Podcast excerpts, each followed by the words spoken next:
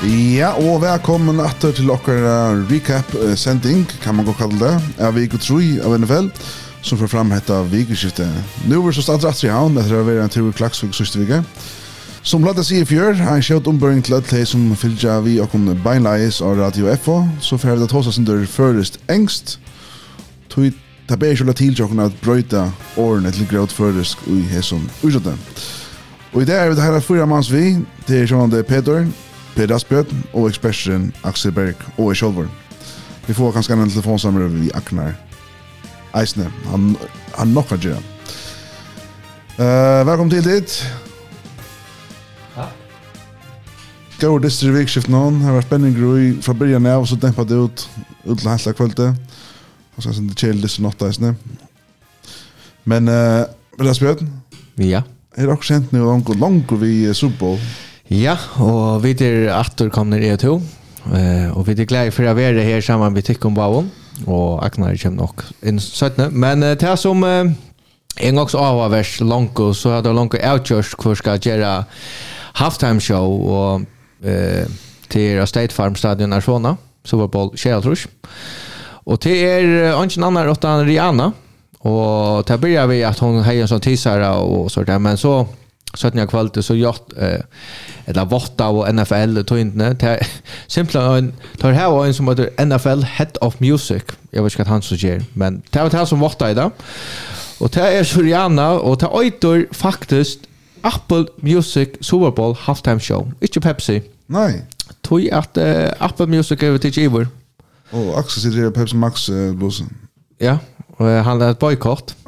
och tar här för samstarv i Rock Nation och Rock Nation är er stående av Sean Carter och han är annars bättre känd som JC. Och no. JC har också några uh, fingerspelen om at just Rian och oss kända. Ja, det är att ta relation här på fra, från förra va. Vi börjar när kring känner. Är det annars alltså Pepsi halftime show i Färnsjöna. Jag tror chattor också. Nej, det är det. Är kanske sin match för ju Rihanna i den bättre. Är helt att det var ansvar för James Ring att toppa halftime show för det var fullständigt epic alltså vi Snoop Dogg och Dr Dre allt där men när gras popshoten har faktiskt just fått det lugga väl som vi då säger eh man måste stjärna. Man är sjunker Jessa. Ja. Jo jo, hon drar ner sanjun ekvonas. Men det är som som uh, diskat här halftime show och reklamer och faktiskt uh, det är Kanske så det är att JC Jimmer. Jag bor i Nickvar. Det var ganska år. Som säger det. Men, uh, så färra vi... Vi är till ordentligt tog in. Ja, ordentligt tog in där. Det är, vi har snackat om det här om Pro Bowl. Men det är uh, avskaffa. Och det har vi valt till Pro Bowl till vänjare och spelare och så det är en länk förklaring som det har stått att länka till vi har valt till att komma in i Pro Bowl men det är avskaffa. Vi har tidigt upp för om det var så stor AH för hitcha the Pro Bowl uh, this non. Men tar alla att göra och så ja game week här då här för Chelsea och så och så alla det ända vi och någon eh uh, tog alla flaggfotboll men uh, tar har ju ordentligt kommer ut vid kvar reglerna och kostar för att vara. Men det för att för en koncept är brått till eh om man så är kappingar för kasta långs och hur ränner skjutas och så spöl. NFL combine bara vi prospelare.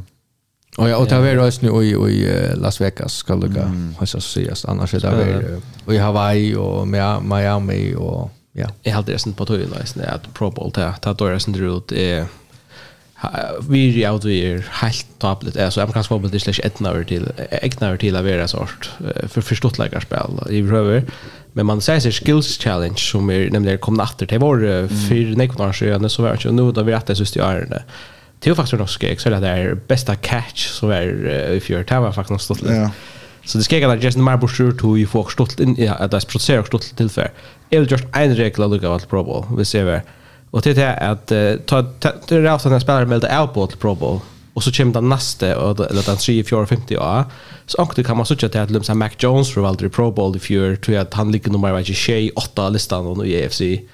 Det alla hinder tar jag på.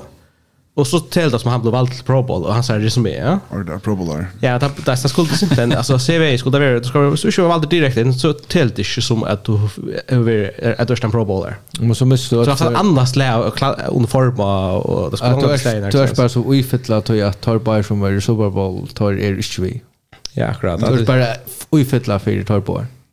Ja, men det är mer det så ser så kommer vi ta så som ja, Mac Jones över Pro Bowler eller så nere vi Pro Andy Dalton över Pro Bowler skulle så ofta ja alltså då är det något fast. Spotta Andy Dalton. Så det kan ska det okej vi står komma fyra tar som är i Super Bowl men onkte ser man lösningar men tog mycket med då där bonus som också fyra. Det tar halt igen. Ta har vi problem med det går.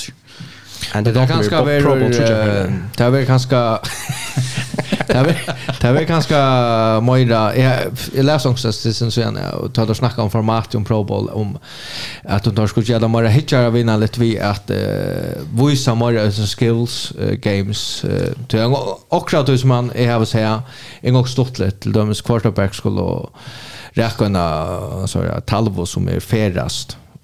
Alltså ja, det som man kör dem på i lätt här Talvo. Men ja, ta får poäng för det alltså. Nog stort la så tjocka. Det är men det är bara spål. Och så tar nutja. Ta stora. Det är Toa. Han att han har i halt att han har i second quarter fick han ett hit och han skramplade samman som en säcker. Det såg spänt ut. Det såg spänt ut. Och han kommer upp på och han får in i omklädningsrummet vid hour Han vill kanna för hela skjolta och det som är nok så avhåverst det att uh, faktiskt läser jag sötten det här vi ska ner men är att lacknan är tja Dolphins klär han faktiskt. Alltså det är inte... Okej. Okay. Ja, det är och så rätt. Och tar sig bla bla bla och, och samstarv. Men tar det faktiskt för innan Kanada. Om uh, kvui han inte får concussion protocol. Och concussion protocol är... Uh, till en uh, femstid till metrum och spelare om han för för att spela och så så vi han var och kanske så halt jag ska vara ute i det går slunch Ikke tvær dyster. inte man klirra det, så ja. ja, han, han kommer after at några veckor og så du kan ta ett step om det igen alltid. Ja. Men mer än så ofta så är det att du ska vara symptomfri. Alltså, jag vill få ett positivt fond. Alltså, så, så farsan är blir upp, ja. Händer det inte bara inte anhålla, Eh och i second quarter ju. Ja. Jo. Och det smittar sig att så så det är som att en boxare som är lite tror jag ny listen om resa upp att dör och se han klarar så gånger in mot dör måste lägga den detta bara ny. Ja, alltså han pura han pura väck. Och det som är är så att snacka om kvärt kan vara alltså player association för så in är fan så in att kan det här och och för jag välja spelaren till att häva att det tar täcka där rättliga rättliga vårdligt.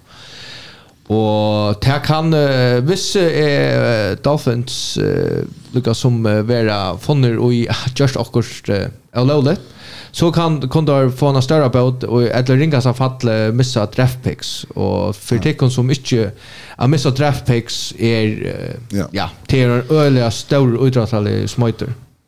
Så och isen till att det som skulle hända till det är att ta ett händer att det ni så säger så ska det så är det ohäfter lacknar som kommer fram av kannan och sen klarat och inte lacknar inte li för felen alltså.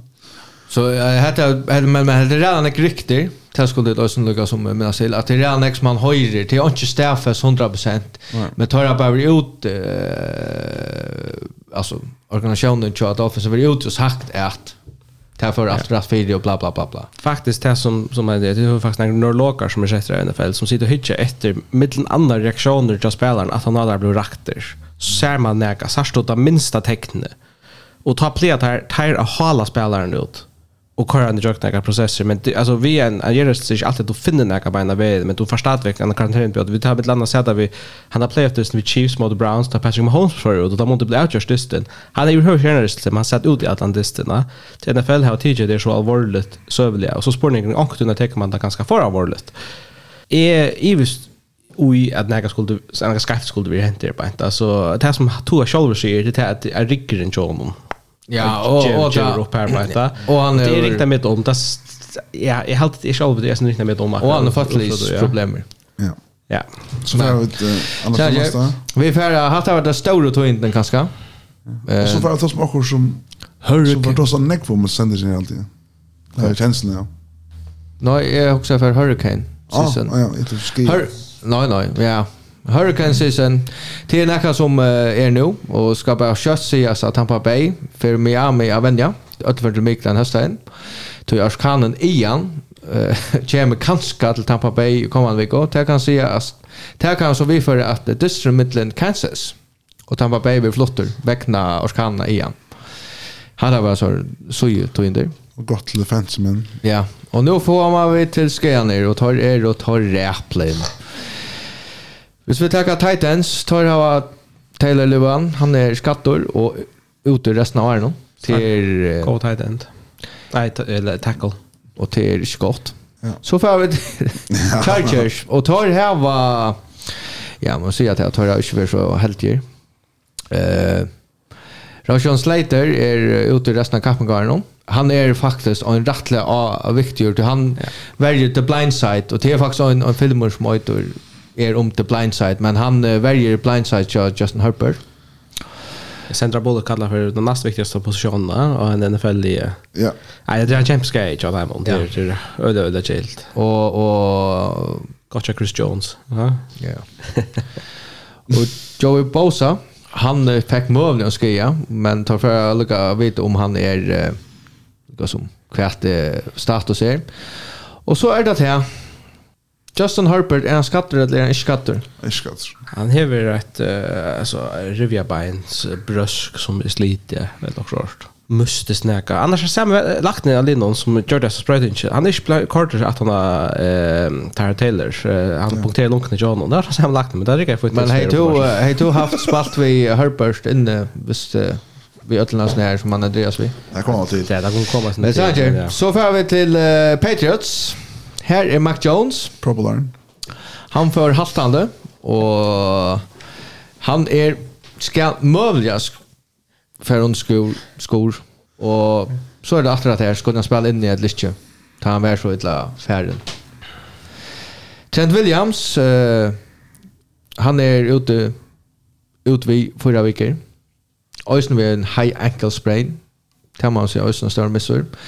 Miles uh, Garrett Browns han var och gör någon och gör någon ja sålig upp happy eller han var han kallade bil för samma öron men då säger det var kvarts alkohol eller stoffer involverade var i men han ligger och sjukhus när kan det Jag läste någonstans att det var ett Joe Rongsla som kom ut av vägen över av vatten och han rönt ett omgånga synd som tar vid mötte han sig i färjan och bilen rullade runt. Så han var av, han var av från Vänjing. Så är det större köpare, skatter, Cowboys. Ja, snitt crossband. Er kom fram god. Och är det kom fram? Ja, ja. cross. Ja. Til. Så är det Bills defense. Och här är Christian Benford, han bröt håndene. Och så är det Mia Hyde. Han är en rymliga. Kanske inte av helt med över. Men han är ute i resten av æren om jag skriver nacka honom. Så är det Dan Jackson, ute i nakka viker. Och Ed Oliver, day to day. Och Jordan Powell, Poyer. Jag har vid om jag är tryckt till det. Skian här i alla fall. Det här då säkert. Nej, alltså kontrakten där vi har stått vecka och håller ute salary cap. Alltså det här ska betala. Löna chatta. Vi se vad precis tryckt här alltså. I linje är vi tryckt där. Det här var dåligt. Det har långt i att ta releasa spelare från injury reserve vi in några pengar. Då ska alltså släppa sig releasa där av injury reserve utan pengarna. Så är det också tryckt går på en kramat då. Amen. Och så är det för tycker fantasi till som här The Anders Swift. Han öll för notet för den nästa Disney. Jag ska Jamal Williams addas så man ser hur han. Jag försökte jag kan lika. Nej, shit där. Det är akkurat just en waiver on. Jamal Williams är här igen. Jag ska passa. Ja, ja, nu är det lika. Okej. Men eh så kan inte vatta. Men eh men han sa starts Swift var han är 200 yards och touchdown och tjej tjej av fjärde receiving och touchdown där faktiskt för Nasla. Packers, good old Packers. Samme Watkins, han är sätter injury reserve list. Alltså han är minst ute i fyra veckor. Eh och tar man kommer hvis man placerar injury, injury reserve list så är det ute minimum fyra veckor. Alltså hvis vi kommer av listan. Och så är det där Saints. Det är spalt. Jamie Winston har spalt vid fyra fractures i Richmond och en av. Men tar sig att det är stabila fractures. Och för att jag är helt värre så är Andy Dalton, han är backup quarterback. Men kvart är... Tror inte han provar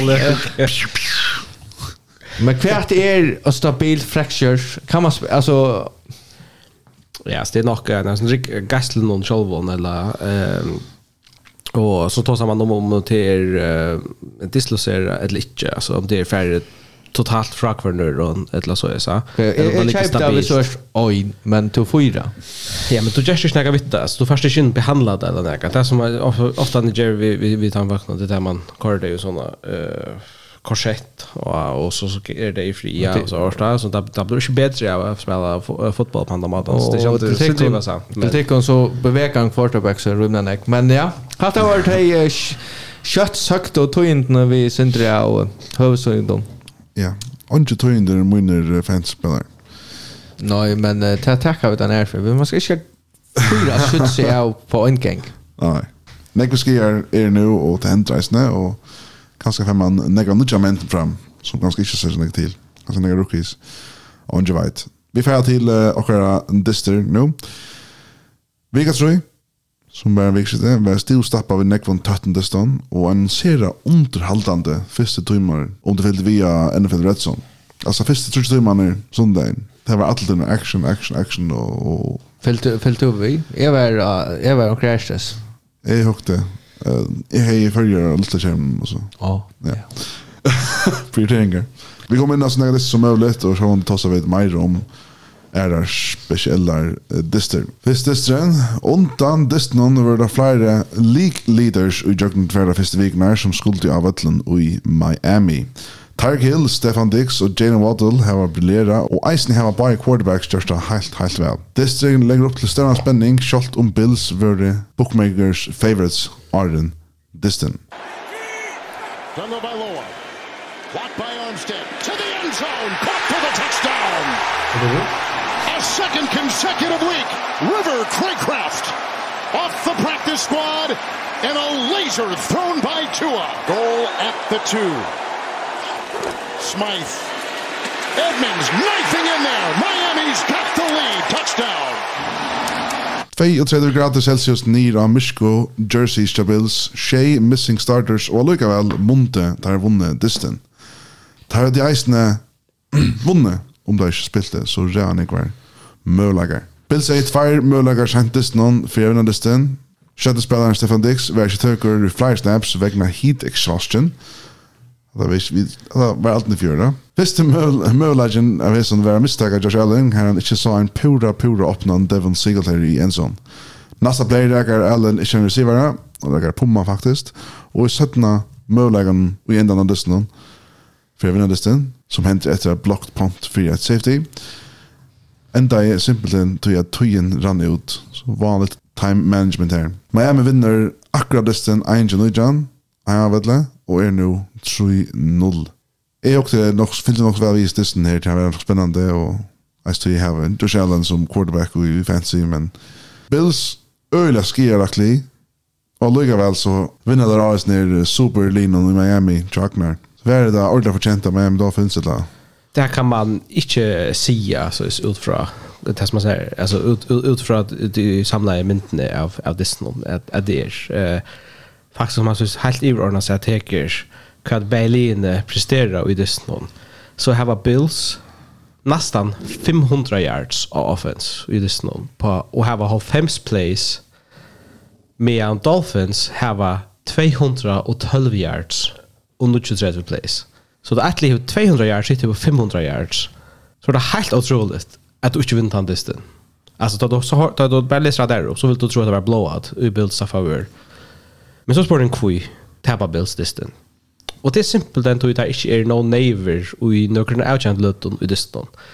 Det er ikke neiver i red zone, det er fra 2 ut av 4 i red zone, det er brenna et field goal i, i fjorda quarter, eh, og så hava der tverfer i distan, at tog innrender ut og et drive som kunde være et potensielt scoringsdrive.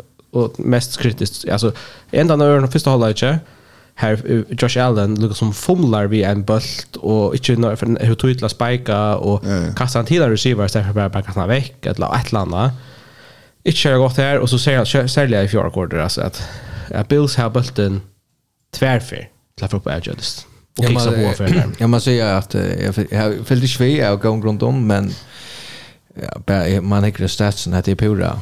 Jag har faktiskt pura vilda Bills kvar att på den Ja, eller Dolphins laxar vinner det. Ja, ett lat ja. Men men 400 yards eller 400 yards off offensive yards. Det till det det pura det det är mer än go to you. Men tar jag 6 turnovers. Nej, 6 turnover worthy plays här Josh Allen this någon ja. Så han han ger shoulder några som han ger något this någon. Eh, som säger han kastar 400 yards. Eh, men han uh, han uh, hever varit a goal to go och ända vi kan trim något rätt eller också time något rätt att det är någon fyra chanser utan att skora. Och säga att han har fått en goal. Här hever han en fruan running back ut i, i, i flat ut mot um, söjlinjerna har jag simpelthen bara inte för bulten framarbeid och till till faktiskt fotarbeid John som blösen till där han han glöjer sin ut i han kastar bulten räcker bara ner i hjörna så kan man säga att jag tänker som jag kommer nå för att det nu tar som Bills. Till det är att hade det visste för att Bills ströjas ut hötten distan senast Bills vann en dist som blev outgjort på ett ett innanför ena ena, ena scoring. Det är innanför åtta steg. Det var i playoffs 2020 Copenhagen Har har tappt tjej distrar jag. Här är distren hur var one score game. Så länge sedan har vunnit tappt han dist. Det säger att och hette det liksom hur hur mitten är bäst linjen i NFL nu tror jag. Det säger att här vinner dister tar ju där bänka jag men tar tar det inte gånger som då ska och tar du ska ha det är outjent inte så har det inte mäkna adjusta. Sen där skulle. Crumpla crumplar under pressure. Ja, det är från också som kick som kicksar jag där mot här bänt. Jag skulle också logga in och så vidare få fixa på det här mentaliteten. Jeg vet ikke, altså, det er, jeg hadde sjåver at Bill sier helt, helt ekstremt sterslig, sier at han alle er klare, bort av åndesten er her, i min tidsje, og mangler sånne leger.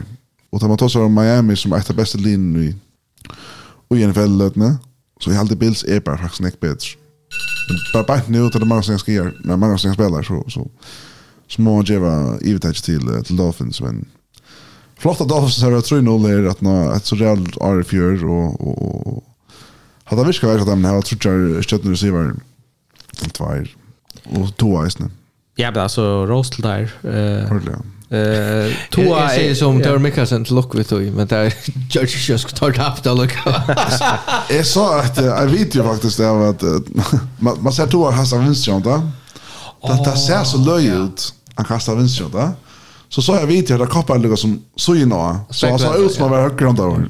Och så sa bara ordentlig cannons det var också oh, oj det så gott ut va. Ja det ja. Och men ja. Tack när senta. Nej. Jag har sent att mig. Jag har sent att watchen. Jag sa det. Men eh Eh alltså alltså kan väl Dolphins komma väl ut från från från listan och det är till nog mest att Laverians ganska väl ut. Tar alltså Bills scorear sitt opening drive. Och så eh, näst för Bills var bara natter så säkert där han eh, Josh Allen här och han fumblar och så här var där stod han banda skorar till Shay Shay. Ja. Skorar alltså till tre driver så det och till första första. Ja. Eh men eh, tar här var en possession. Alltså en, en agent possession där i fjärde quarter att få får han. Här och i toa faktiskt levererar två genialkost till Jalen Waddle. Han vinner distan för där. Det gör han lika väl. Han vill bli om att testa övna några som Josh Allen så inte gör det. Ja. Så det är lika väl imponerande, men mindre imponerande vär så tar jag där hade är tar tar få bollen att dra här linjen där. Ska panta för att du inte känner några så det blir ta som the bot punt. Visst du för. Mark Sanchez var inte glad att han hade han skrev stay out of my lane. Jag vill jag vet passa där visst det inte var så hett där och så är det och Stefan Dix missar Ranix när så sån heat exhaustion så där. Och är det som inte klarar en vettel där så heter det. Alltså att det var en om skildning. Ja det är inte bara jag jag jag kan Det är ju fuktigt och hett och alltså han kan skapa det är kört att spela hitta. Nej. Och det det var jävligt hett. Än det där inne. här. Det spelade tydligen där inne ja. Så. So här var myska jersey så det är det finns det så att det Disney det där så vi har där så blåsa här och vi färdar så ju som och det som kanske som det så men det ringte helt lite as news Ja, ska man köra som det här Thomas, alltså bruka alltså alternate jerseys som det kallar det. Arden, jag hade smak på väl, jag kan välja det nu. Jag hade köpt vi ska vara jag klokare på kvart tillträck och hitta och inte och blåsa alltså de som är och är som vän vi hittar de kan gå tilldäcka i svärstånd så if I'm just saying I rest my case alltså. Så analys analysa av klattna eh uniformen och tja tja bills. Ja, att det var tos tos med tøyen och tog inte upp på isen. Men eh Luka Varian shot shot Dolphins alltså alltså till eh Bills tar skora kan det field goal så första drive i tre quarter så skorar det chatter att lyssna. Og jag känner mig faktiskt pressad vid rattliga nek, för han är pressad vid hela 2 och 3 för fyr i distan. Han är så gott nog, han har tru truskost. Ehm och skäckar vi nog så ofta när jag är Och så Rosa Ötlund till allt det med den gamla Chargers eh defensive end spelade en brantist vid 2-6 och och sex pressures. Så det är spännande att att Lee session balanserar ut Chad Dolphins. Det är inte as dash as något som att det blir utspalt recentra bills men där till nek på ölen nek positivt att det kommer vi och som man heter Akna Presta så kan man gott vara öliga positiv. Ja, en en lite så här. Ja, ja, det är helt hemma vet du. så next day för alla. Vi måste det. Ja, jag skulle hälsa från Aknar så jag go Dolphins. Han kom till dessvärre i vi och Niklas. SoFi Stadium, Jaguars Chargers. Arndesen var det sikkert at Justin Herbert for å sitte ute i måte formsterska Jaguars-linjen. Men knappelig så ikke avskårene av Sofa Stadium en Herbert som hittet opp. Kanskje var det hetta som fikk mennene av Jaguars-linjen. at synes Mara motiverer. Herbert. the hard count. On fourth and one, Robinson, left side, has the first down, and there he goes. 30, 20, Touchdown Jacksonville. And that'll do it. Ja, som då som Janne, Chargers missed it fire viktiga spelare i dessa lägger dessa. Joe Bosa för ut en groin injury som verkligen öppnar i offense till Jaguars upp. Och så för left tackle the blind side to Herbert Eisnut som gjorde arbetet till quarterbacken till en verkligen marro i dessa. Folk satt i etterlisten at Herbert var ikke klar å byrja, og det var en blondare, at ikke spærande at Jim kvult henne listen. Og min ånder sier at vi bare gjør kom vann vi, altså John Jaguars vinna dyster i år.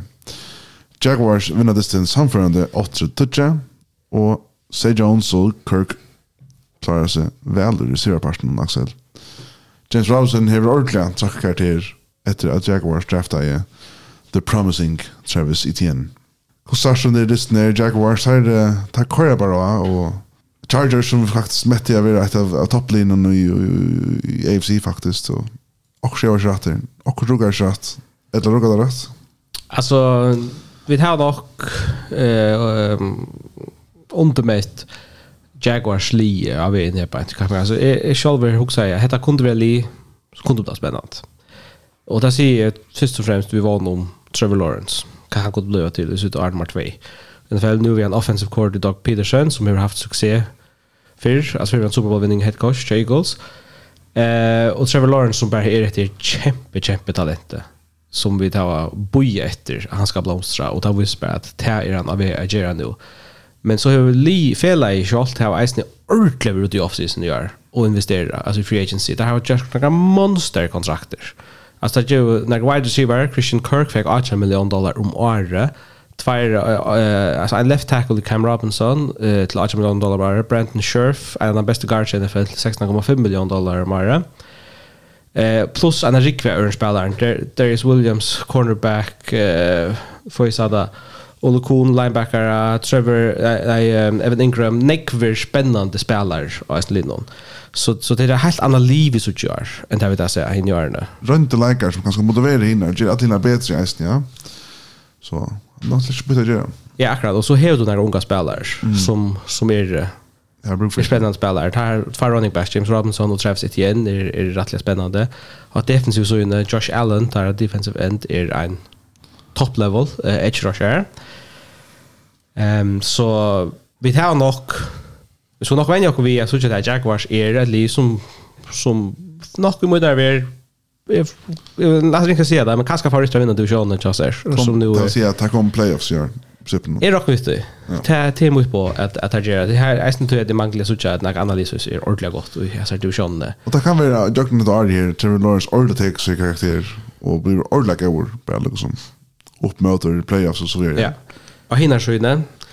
Jag har lutsen sin ringt vi att, mäta om Chargers lie. Ta i eh, Justin Herbert är skatter och alltså vi är bara banden. Eh, så är är för inte att döma där för hast ut för att du och det som ganska det ringas allt det att det är för själva gårdla värjan. Och det han var under trust. stormpartiet det snön han blev faktiskt pressad över 24 det utav 24 för han för att kasta helt hampelig ikke, vet jeg. eh, rakter i åtta fjerne og han, det er halte han inn i dysten om allt i verden for lunch. Mm. Alltså det är jeg har gjort det. Det man har faktiskt allt en ordentlig känsla av att Chargers är i det snön. Ah, nej, det är det, det är pura. Ja. Pura och skiljande. Och så säger så var Brandon Staley i snackna Disney att det var upp till uh, Herbert Jolvan. Jag kom ut. Han säger han var klar, så var han klar. Alltså det är helt arbete, nej det är alltså jobbet jag och någon head coach att styra som tänker och ha styra som quarterback och se så är very good. Jag har ju en Jag har ju en quarterback uh, som jag vill gärna trade i uh, fantasy ut i öarna. Justin Herbert. Ja, jag vill gärna ta det. Russell Wilson. Jo, men uh, ha? Hashtag Russell Wilson för Herbert. Gå. Go. nej, nej, nej. Jo, men alltså ja. man, man, man sa inte så väl till tog att Herbert var skatt. Han kastade en 400 yard boll till Kadrans ner. Jalen Gilton bombar nästa Order Rocket. Så som okej, okay, Chicago John, men så var han bara slett inte själva. Kvar kvar back på quarterback. Tony Romo allt. Tony chans. Alltså är det bara att jag tar Iver Höver så allt och back Chase Daniels allt ja. Ja, Chase Daniels. Ja, okej. Han borde vara okej, alltså lagom in. Kanske inte lavera starta i Florida yeah. men Men alltså på det här en prata alltså så är vi 5 minuter efter fjärde kvarter här då att han vi 28 just och, och Justin uh, Herbert spelar in och är efter till dropbacks och kastar och vi alltså vi rakter flyger för när jag spelar. Jag sagt att han blir gör Ja. Det är simpelt en alltså oförsvarligt tjän en vänjare. Så sätter fram till en. Jag är inte sett att foten i sig ska nu först ut. Och att det är French uh, ja, ja, franchise quarterback. Alltså det så sett Leo i vanta i flera år alltså vi samlar längt jag skatter ordentligt alltså ja. kanske ut för då år, eller att två edla. Ja, end of season. Det är viktigt men det må vara spets. Men jag vill säga Jaguars vinner allt 30 toucher och och och Chargers samma ordliga. Det är så ser man nu nästa disney. Vi får till lockar trea in-depth dist som vi kallar det nu från från nu. Det här var uh, Packers ute emot Buccaneers Hesten Distin hei i høye forventninger av Arne Distin. Godt skriver Arne.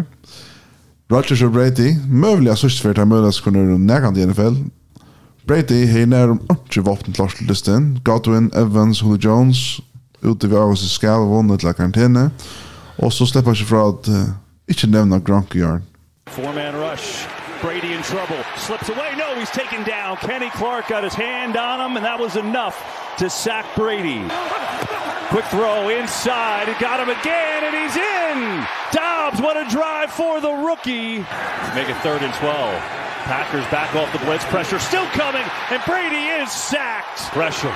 Steps away. Throwing tip. Incomplete. The Packers are going to win it. Ja, jeg skulle si at, at, at, at Brady måtte sette ringe etter Gronkowski etter. Men uh, Buccaneers fikk jo ikke vi fyrir halda ikke. Perman fumblar av Green Bay halvene hjalte ikke nega seil på støven heldur. Hæs møte fumblar Aaron Jones bolten av box etter linje Vi fyrir halda ikke, og halda ikke gjør det trett fyrstand til Green Bay her om burde kanskje være meira. Og sett halda ikke, koppa etter hinne veien. Packers som Aaron sett halda ikke, hei nær om dobbelt av yardage mot box klarar ikke å vinna distin til ja i sett halda ikke. Rodgers completa i bærs 8 passes sudden ledger og kasta et interception i heavy traffic. Hetta opnar møgulegan fyrir Bucks og Brady at gera et comeback i Disney. Her skåra touchdown til 14-12 og kunde vi en 2-point conversion få distan i overtime. Men vi hjelp fra Jumperson og Tampa, Mekna Teicha og Verta og Packers vinna så satt Disney 14-12. En rævla kjell distan, Disney, halvdikjoveren. Vi er sinne spennende endan, som alltid er godt. Kossa Peter och era kjempe backers och inte minst Rodgers tillängare. Kossa upplevde du sen. Ja, det har gått för en säkerhet. Det här man bara säga. Annars var det inte penare hit efter. Jag satt vid öliga nervon. Det skrev sin till dekon och jag tror inte ordentligt på att välja för att halta för i mal Att för att halta i, i en timma. Men det gör det så. Det har... Tar börjar spela sin runda allt första driver, man tar blir man allvarliga nervös. Där skorar så ett touchdown, men Connors alltså 22 poäng som man då snört att här Packers är lusta av bäge Det här är tvärs över. Det ser Östny att har visst tar gitt och spelat för att komma och tar vant alla vikna. men så säger Rodgers Östny att han är sig också jumbotron och så säger det vi Matt LaFleur som säger det så så gör det till Joe Barry som heter perfekta play till att välja Motresson till att Obbar så har jumbo eller kamera i vår snir och iPaden tja Tom Brady som vurste att spelar för att köra hvis det är så er det en krisa er det på var bara mig. Ja. Men jo, uh, Disney blir jeg øyla vel Man säger att vel nok der er skåret först till drives och ta tre er lycka vi har kommet inn till touchdown. Men så börjar Box att uh, spela väl och defense pressa öliga väl av linjerna. Uh, Packers receivern och tar få onchen, tar få onchen djup. Onka djupa bultar uh, av sted. Kap fær øyne på en 20 yard så ja, men til nok snakk 18 år uh, catch, just nu. Så ja, det var en en bara där jag får andra sidan i hus men vi funkar. Men var det går för mig skoft. Var det funkar ju the lay of game då då skulle för ett 2 point conversion. Och då hade du faktiskt faktiskt att du perfekt uppställningen till det. Jo till det alltid skulle vara run play ta. Ja. Men då då en ta tar visst att han då. Och han ville han blev akkurat försvann. Ja, så var så var det där game men han fick han fick det of game men då då Tampa är faktiskt en, en ja. perfekt uppställning till att köra då. Ja, är dock vidare en audible han kör där på. Alltså till att han ser att okej okay, Packers frontlinje är slett inte klar på rennspel här. Så tar han det själv i shotgun vi vi bara vi, vi får nät vi så när så här och så receivern spjätar ut. Jag tycker inte att möjligtvis att han called run play Men eh det kanske inte förklarar inte. Kvi kvi men kvi skulle ta prova att åtboll ta i där och 2 point för 2 point. Ja men det är simpelt för det man säger okej eh formationen kör väl är vill göra det att alltså nu kanske vi ta kalla ett ett ett ett ett plant ett kastspel men quarterbacks shift of the place vid linjerna. Det de kallar för en audible nämligen. Det man säger vi ska vi vi kör att här stämmer för. Ja och så signalerar han till när vi gör det vi rända vi rända eller ett eller annat Och så så gör han bultet men men alltså väl att vara för shiner här bänt. Ja, jag är är all chock över att Tom Brady ger en så stor fel. Så hemma var det det mest outjand lötne. Och det är att du du du ärst att du förstår en ja fem alltså det ringt att få två poäng conversion i förväg och så få en fem yards straff så är det nästan. Alltså du ser att du gossar halvera chansen till för att skora. Du har från två yard linjen till 6 yard linjen. Ja det är en en alltså en kolossal failer att göra från det mest rönta mannen kontroversiell mening på ett till han att domaren skulle inte haft att är helt chatta värde live game. Det är som som säger att touchdown i Östen borde värde live game. Ja, men man hugg alltså no lunch alltså det verkar som att tar slå loose ner på delay of games på nu i NFL. Faktiskt ska klockan vara 0 sekund och i 1 sekund. Ja, nej, tar, delay of game. Tar tar tar sätta så väl kommentatorn att uh, Att det blir noll så hittar tar upp och så vill han inte snappar ta så är det. Så det är innan fyra sekund men han ska inte visa minus 8 lukal så är det för lunch värre. Ja, nämligen. Och, och det är det som gränsen platt är vera och, och jag säger nekv, nekv place här i sort i 20 kalla. Men jag stämmer nu. Och jag så är det att det är inte grund till att det ska jag det. om om han har hållit sekund för sig till förbukt att kalla det här bara. Ta allt det, ta det är ivasant om du hör det rätt. Men till nämligen att jag byggt i tumskälet diskutera regler. men vi tar som testen men alltså regeln är det så här nu vet vi på jamen under det någon att han är nog så dommer till att säger att ta ska innanför 8 sekunder. Alltså kvätt alltså regeln nej regeln ser inte minus 8. Alltså det ser inte ta klockan visar minus 8 eller kan man säga. Det är ta bluda alltid så judgment call join domara när det när det inte så sen det stoppar och onkel är ganska dömt att han har 0,5 och är nämnt 0,5 Och det är så synd att man tar sig om till 40 yard dash till innan alltså onkel helt rätt onkel en ordla kött onkel en bara 5 miljoner skott där och till next shot där.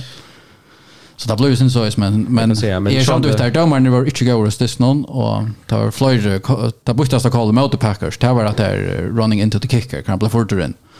Och det är avskar packers neck vill jag sagt. Alltså, ta konto där och skora field goal och finns där på en uh, som ett two, two, two score game. Men ser du ikke eisen vi känslig av at Rodgers, han gör, han gjør en interception så gjør boxen stått han bana som gör att komma til field goal til 14-6 og en tar har her, hava komma vi till sånt ene, men att han hever flere möjligheter av lukka dist. Ja, helt Det är sånt regler at disten ska komma ner till att sista play här på et. Alltså till det som man vi har sett man sett ju gång förnämmelse ta i början så fumblar Aaron Jones av one yard line och så sitter man bara i hopp ich även gärna så för upp jag så själv och bröta allt och ta så ut som det gjort då. Om fram box för att spela väl så pressa och ölja väl all linjen det gjort som förstår i Packers neck och jag hade jag själv Lazard var ikke ordentlig av seg selv han der igjen. Han spalte, han blokkerer vel, men han spøyer til dømes at han har touchdown Lazard. Det sa man, vi kan, altså, man kan finne det. Uh, han renner ut søylinna og spøyer, og det er halvt i øsne vær av hitan og så sørst han øyne for skita vi hankla han mot omse og att det aktuellt han tipp med lax. Det ser han. Det tar vi tar vi såna stycken som tror ju vänjer stannar och har hanklar mot omman alltså för skärmen för själva simpelthen och så ösne om nackan och runt om hötte alltså här är ju ösne också hit exhausten också. Men han spalt i Atlantisten, det gjorde han. Och han har ju några öliga goda blockeringar. Sälja ta att ha kap hänga där 20 yard uh, catch. Så ja, det är en god seger till Packers. Han vill ha det. Flottar är jag dem. Det är så god. Alltså att boxa upp i färre kör i röver. Ja, utan utan var största drive, men ja. här är det så inte jag tar spela nog prevent defense och så måste det här att vi ger all upp någon 5 tjej 8 yards kvar för och så moda klara vi om de klara skåra.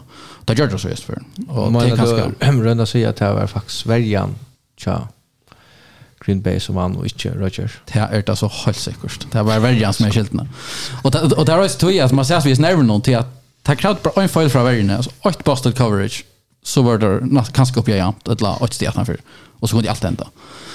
Tror var det väl i hitchat just det till att Roger säger ändå kvart touch three and out till Nick från Grandest. Jag går sjorta helt gärna touch. Jag tror Jävligt vill hitchat säger det fast ingen lön. Men annars från Eklund till Russell Wilson, han spelar inte gott löten. Det är samma. Men han sa att nej. Ehm Ska vi få er till några hindest någon som har varit i alla fall vi tar inte alla det har bestämt för att nu får vi lugga ganska fokusera sig inte mer på. Kan spela och så svära till ordentligt kött. I know, ja. Ja. Så är det styrt Calls, Torvono, Chuo, Sejan, Motor Chiefs.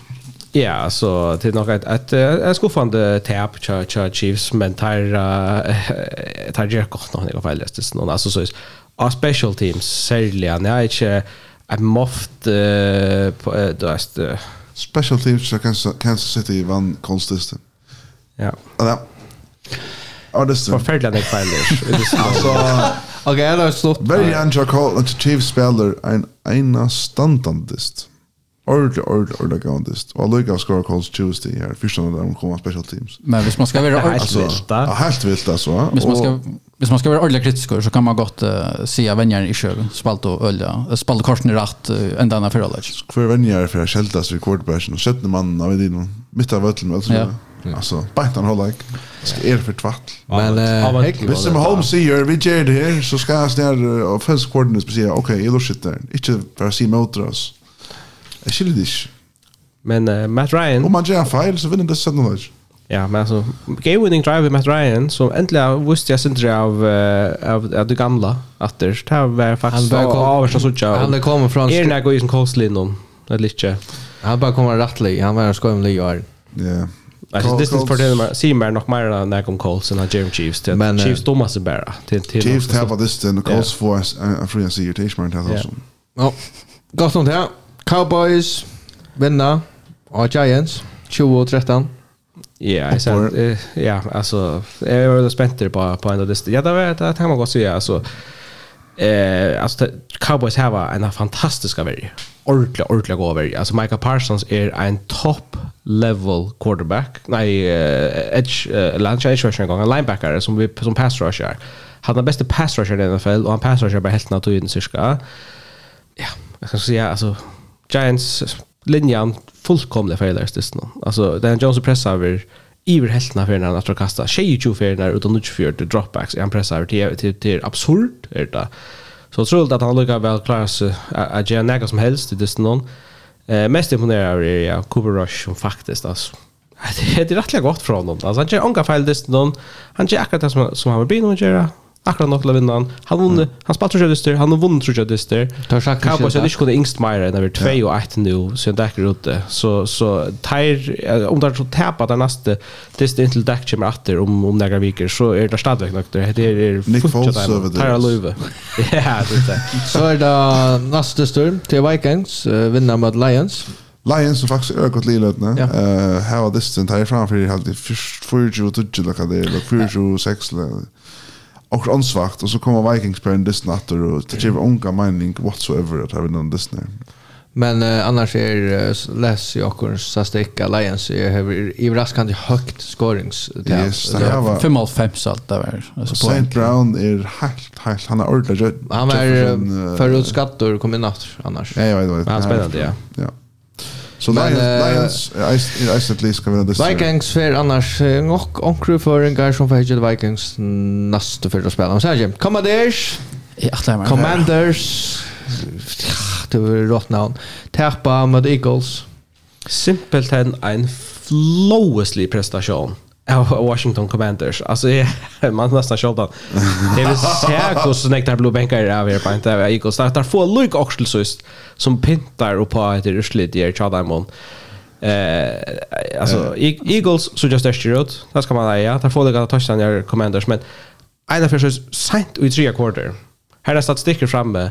Här Commanders har minus 1 passing yards. Ja i tre kvarter i en dyste tillsammans. Det här simpelthen inte har klart. Det blir säkert över oftare efter än han flottsar fram efter. Nuttjo säk. Och med Eagles hade 300 passing yards. Men hade du Eagles uh, Eagles för jag går ut jag kommer Nej, nej, nej. Jalen Hurts är en fantastisk quarterback. MVP pratar börjar faktiskt att köra omkring han. Är är inte att touch någon. Jag behöver men det ser bara att att det är av er fram och i min han är tre hackst odds av MVP bänt nu bookmakern. Det är true nu. Det är ja. Så men så är det Cardinals tar tappa mot Rams. Ja, där checkar då långt långt ner alltid. Och Rams kör bara. Nej, det tappade visst det mot Bills, de vann tvär ja.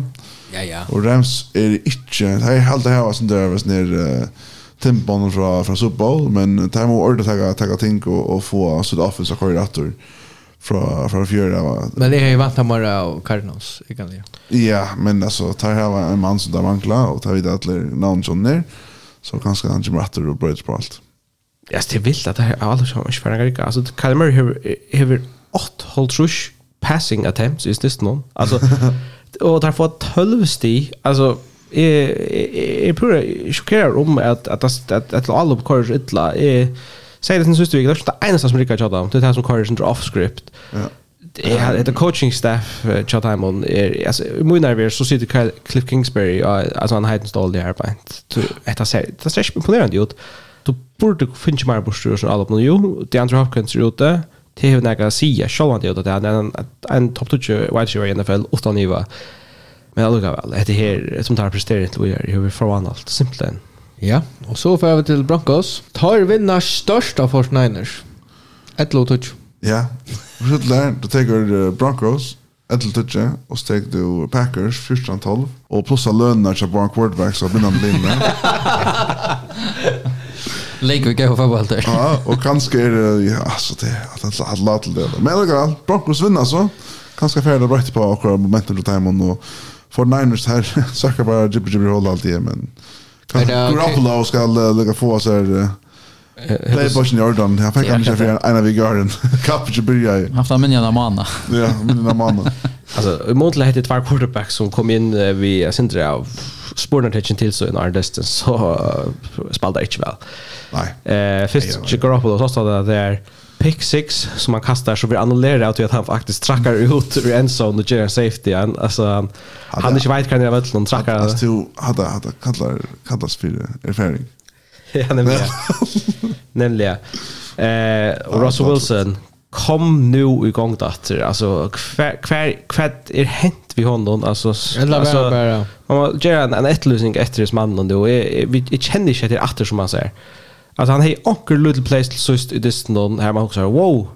Nu renner han inte. Han mobiler, han har också. Där där där får ju ett game eller ett, ett touchdown drive vi fyra mot efter i fjärde quarter och där skorar och här man Lucas här också här händer också kanske i hoppe att det inte filmat att se hattar det grej tar också Wilson bevegar sig och flyttar sig, flyttar sig runt kring det han bara är en mobilspelare som ständer i lomman och kastar Atlantisten, så är han inte närnamnet av en top 20 quarterback i NFL och inte värda dessa kontrakterna som han har haft. Så tja, den gamla Russell Wilson efter. Så för att locka en nytt segment uh, till er uh, stitchlisten iver NFL-relaterade ting. Det kan inte vara, det är inte alltid samma, omkring det bästa linje, omkring det är helt annat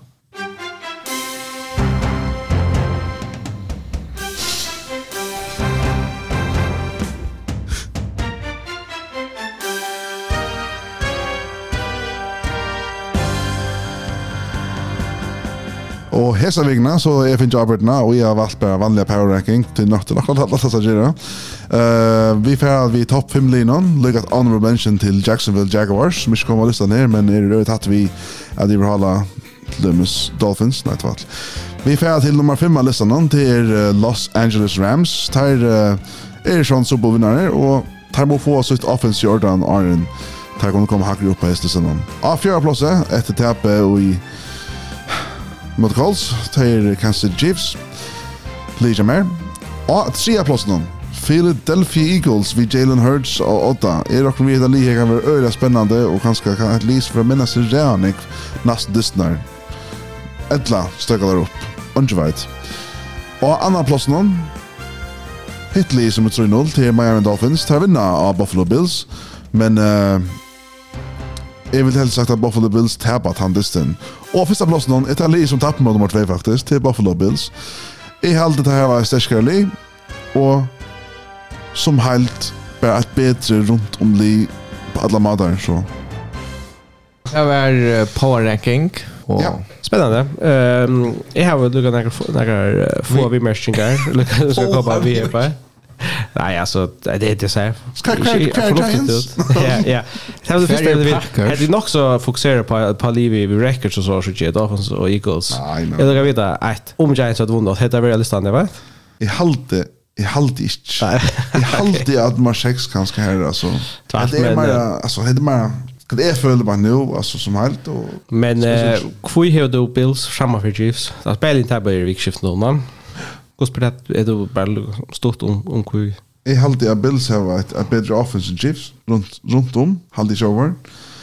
Uh, I løtene, til Chiefs spiller ikke så vel. Bills sisten her, jeg vil ikke gjøre sine bare nesten Dolphins, det tror jeg det er Tyrus nummer 2 og, og Bills er nummer 1. Men uh, Chiefs hadde problemer med vikskiften han, det hadde en god defense, og jeg husker jeg for første ferie at ikke kvar Chiefs nummer 1, så kort man får gjøre bare så at folk ikke alltid er bias. Men i min høyde så er det ganske, det er alt annet. Jeg har cheese man fyra faktiskt bara tog jag tappte och skuffade av. Det är svundes. Det hade lagt det. Jag visste att du skuffade över. Så vi äter alla Arne ikke skulle ta som Chiefs i kväll. Nej, tack. Men det är ganska spännande för för att göra en ranking. nå näst för. Ja, ja, så vi den tar som... Uh, man kan godt gjøre en ranking som er hinn enda her man har för for nærmere nok folk som... Uh, og kan gå uh, vinner som kanskje lurer til å han helt över Seahawks. Tar att vara ut i skojva ändan och ranking. Ja tar som att hon ligger som sig i ett nästa vecka där tisdag nästa vecka och Commanders och Raiders. Och Ocean Raiders vi har svagt men tar klass i inte väl vi hade ett segment i fjärs var Axel Rant. Det vi ska nog svara han tar sig om en 5-6 tjej, kanske 20 ting som han sätter sig med Sandro Rui. Och han tar sig han tar oss. Och vi kunde nog göra segment som heter rant. Yeah. Timbo. Power rank and rant. Minns du det? Yeah. Det var lat i kroppen. Jag hade en i alla fall. Är det? det? Men uh, hatt av er power ranking. Og så er spurningen om Arnar ver han som gjør det nast for attor eller om det er Peter, Axel, eller jeg, eller en Aknar som ikke er her. Vi skriver middelakons, for det er for å høre det beste hoskottet som gjør det. Etla och ett uppskott av NFL-passionen. Det kunde jag summera. Ja. Och det nästa det här är av precap i vår Disney som är då nast. Och det som är också spännande är, är rock. Jag, jag har inte hört och varit nöjaktigt om föringar för Hitchet och sådana Disney. Det är en uh, Disney som uh, börjar också tullja. Sådana mm -hmm. där. Och det är Viking Saints. Saints A-tur och Vikings A Eller NFL-tur. Mm Og det er sikkert han funnet så ikke etter. Ja, godt å ha vinter korrespondent nye her fra NFL før jeg podcast. Ja, det er det av er. Ja. Utsendte. Hvis anker er fair til listen, så sier du anker fra, ja. så kunne du gå. Det er ordentlig cool. Alltså jag vet inte jag det upp med igen. Jag själv vill tvärför till NFL London. Då resten vi Ja, jag vill tvärför. Jag ska latter hitcha till Jaguars och Broncos. 17. det är ju gott. Ja, men gå det sen. Det borde vara. Jag var snitt bekymrad att jag köpt biljetterna men nu sitter Jaguars för funder ut så ganska. ja, och så får vi ett uh, höstkvällen. Det är Dolphin Bengals. Han kunde bara hoppa och kött förbi, ja. Bengals vinner. Nej, ja, det är faktiskt en spännande dyster. Alltså, ja, ja. Det men akkurat är, men Aknar Akkurat så sen hoppar han på. Vad Ska vi göra det bara nu? Till att se hver spelar och så ser vi hver vinner. Ja, okej. Bara, hur är det Bengals vinner. Bengals vinner. Hemmabana. Ja. Okay. Browns, Falcons. Browns. Falcons. Falcons. Oh my god, det drottnar. Uh, Browns. Bills, Ravens. Ravens hemma vann. Där vinner jag hattar godist. Bills. Ravens. Vad säger du? Ravens, nej, jag säger Ravens vinner. Bills, jag tror att hattister. Okej, jag säger Bills. Commanders. Commanders. Ja, det, det är så här man kan synas. Det är väl hittills. Cowboys. Cu- Cooper Rush. Cowboys. Cooper Rush tjejer. Han var Cowboys. 4-0, det är vi vill. Ja. Det är Så, vi. Cowboys. Det är en sövan last. Cowboys. Seahawks, Lions. Lions. Ja. Här, ja. Spännande. Lions. ja. Spännande. Chargers, Texans. Chargers. Han moders. Ja. Och så skintar jag vann Brandon Cooks, han kan inte vara. Ja. Chargers. Titans, Calls. Jag hotlar sig sista utkall till Titans. Alltså Oh, tar mo. och Chuck Ja, nu vunnen tar så vikna. Alltså Titans-li skuffar. Ett touch nog Ja, Colts av hemmabanan var den också. Colts? Ja, jag tar just Colts. Så säger jag den helt bara av till det är så undermot det. Titans. Bears Giants. Sean Giants. Ja, Giants. Att han täcker Jones. Giants, ja. Kul kul taskad är Bears. Bears? Bears sig vårt näck för lite. Bara att vi viss oj så fall att vinna så kan ni ha vår näst för. Bara så så pekar vi. Men då Jaguars Eagles. Oh. Att jag faktiskt har rymd. Oh, det kan det mega mega spännande det faktiskt. Jag hade sagt Jaguars men det är typ Eagles. Är det Eagles det där? Ja, Eagles. Jag säger Jaguars. Jet Steelers. Ja, hatar så inte sant. Steelers. Jets. Steelers, ja. Steelers. Cardinals, Panthers. Oh. Cardinals. Cardinals, ja. Carolina, baby! Cardinals. No. Pa oh, Patriots. Er det vært heiver og større dyster men Patriots, Packers. Blixi til Packers, ja. Packers! Packers, ja. Packers. Broncos, Raiders. Tvei lige krise. Her teker Raiders, da trykker vi. Nå teker jeg dør da. Derfor er ikke fyra nå. Eller Owen fyra. Ja. Det tycker jag. Vill tjäna om för den du vant Adams. Pierce spelar så väl men han tar hon gå vinna. Är det med lite nöjd att det ser Raiders eller? Det är allt. Nej, det är klart det. Ja, jo, jag har alltid Raiders vinna. Jag ska säga Raiders först. Jag säger Raiders. Chiefs, Buccaneers. Har du utsett det? Sunday Night Football. Öljan, Öljan. Hade det någon bästa serie så igna. Kanske Ravens Bills men Och nu får det ett vapen i attrejsen på Buccaneers. Typiskt. Jag vet inte om det går Chiefs. Ja, precis. Seriös Chiefs. Ja. Okej, ja. Ja, ja, Chiefs. Det var kanske det vi tog som nästa vecka. Ja, det är ja, ja. Jag ser just Chiefs, det är helt Buccaneers. Till Bära tog. Så syns? Rams, första Niners. Debo Samuel, fyra touchdown. Debo Samuel, Ja, ja, ja, oj, ja, vi har en fan. Jag får se 49ers. Jag ser Rams. Ja, jag ser. Det var det blöva tid. Jag ser just Rams. Nice. Ja, det er. Faktisk var det fullt segment at det var on the fly. Yeah, on the fly. Så det gjør vi et uh, power ranking og rant. Alt for power ranking. Ja, det er fint. Nå kan vi skrive ut og si, ja, vi har vi har dyster, tøyender, og vi har power ranking, og vi har preview. Men, men, men Peter, er, er vi bedre til å halda tøyene nå? Så er blev mer professional. Ja, blev oss inte mer. Det är bättre bättre för att göra allt, men uh, hvis vi inte ser på kött så blir det legal. ja, jag har ett chat. Till om tror jag vi kan. Men det allt är Vi tackar för guld det Jo. Ja. Att det. Han sagt mig. Ja, bye bye. Nej. Ska du sköra det här ut? Du du du. Kan man gott. Bam, bam, bam, bam, bam, bam, bam, Toss on the Borg.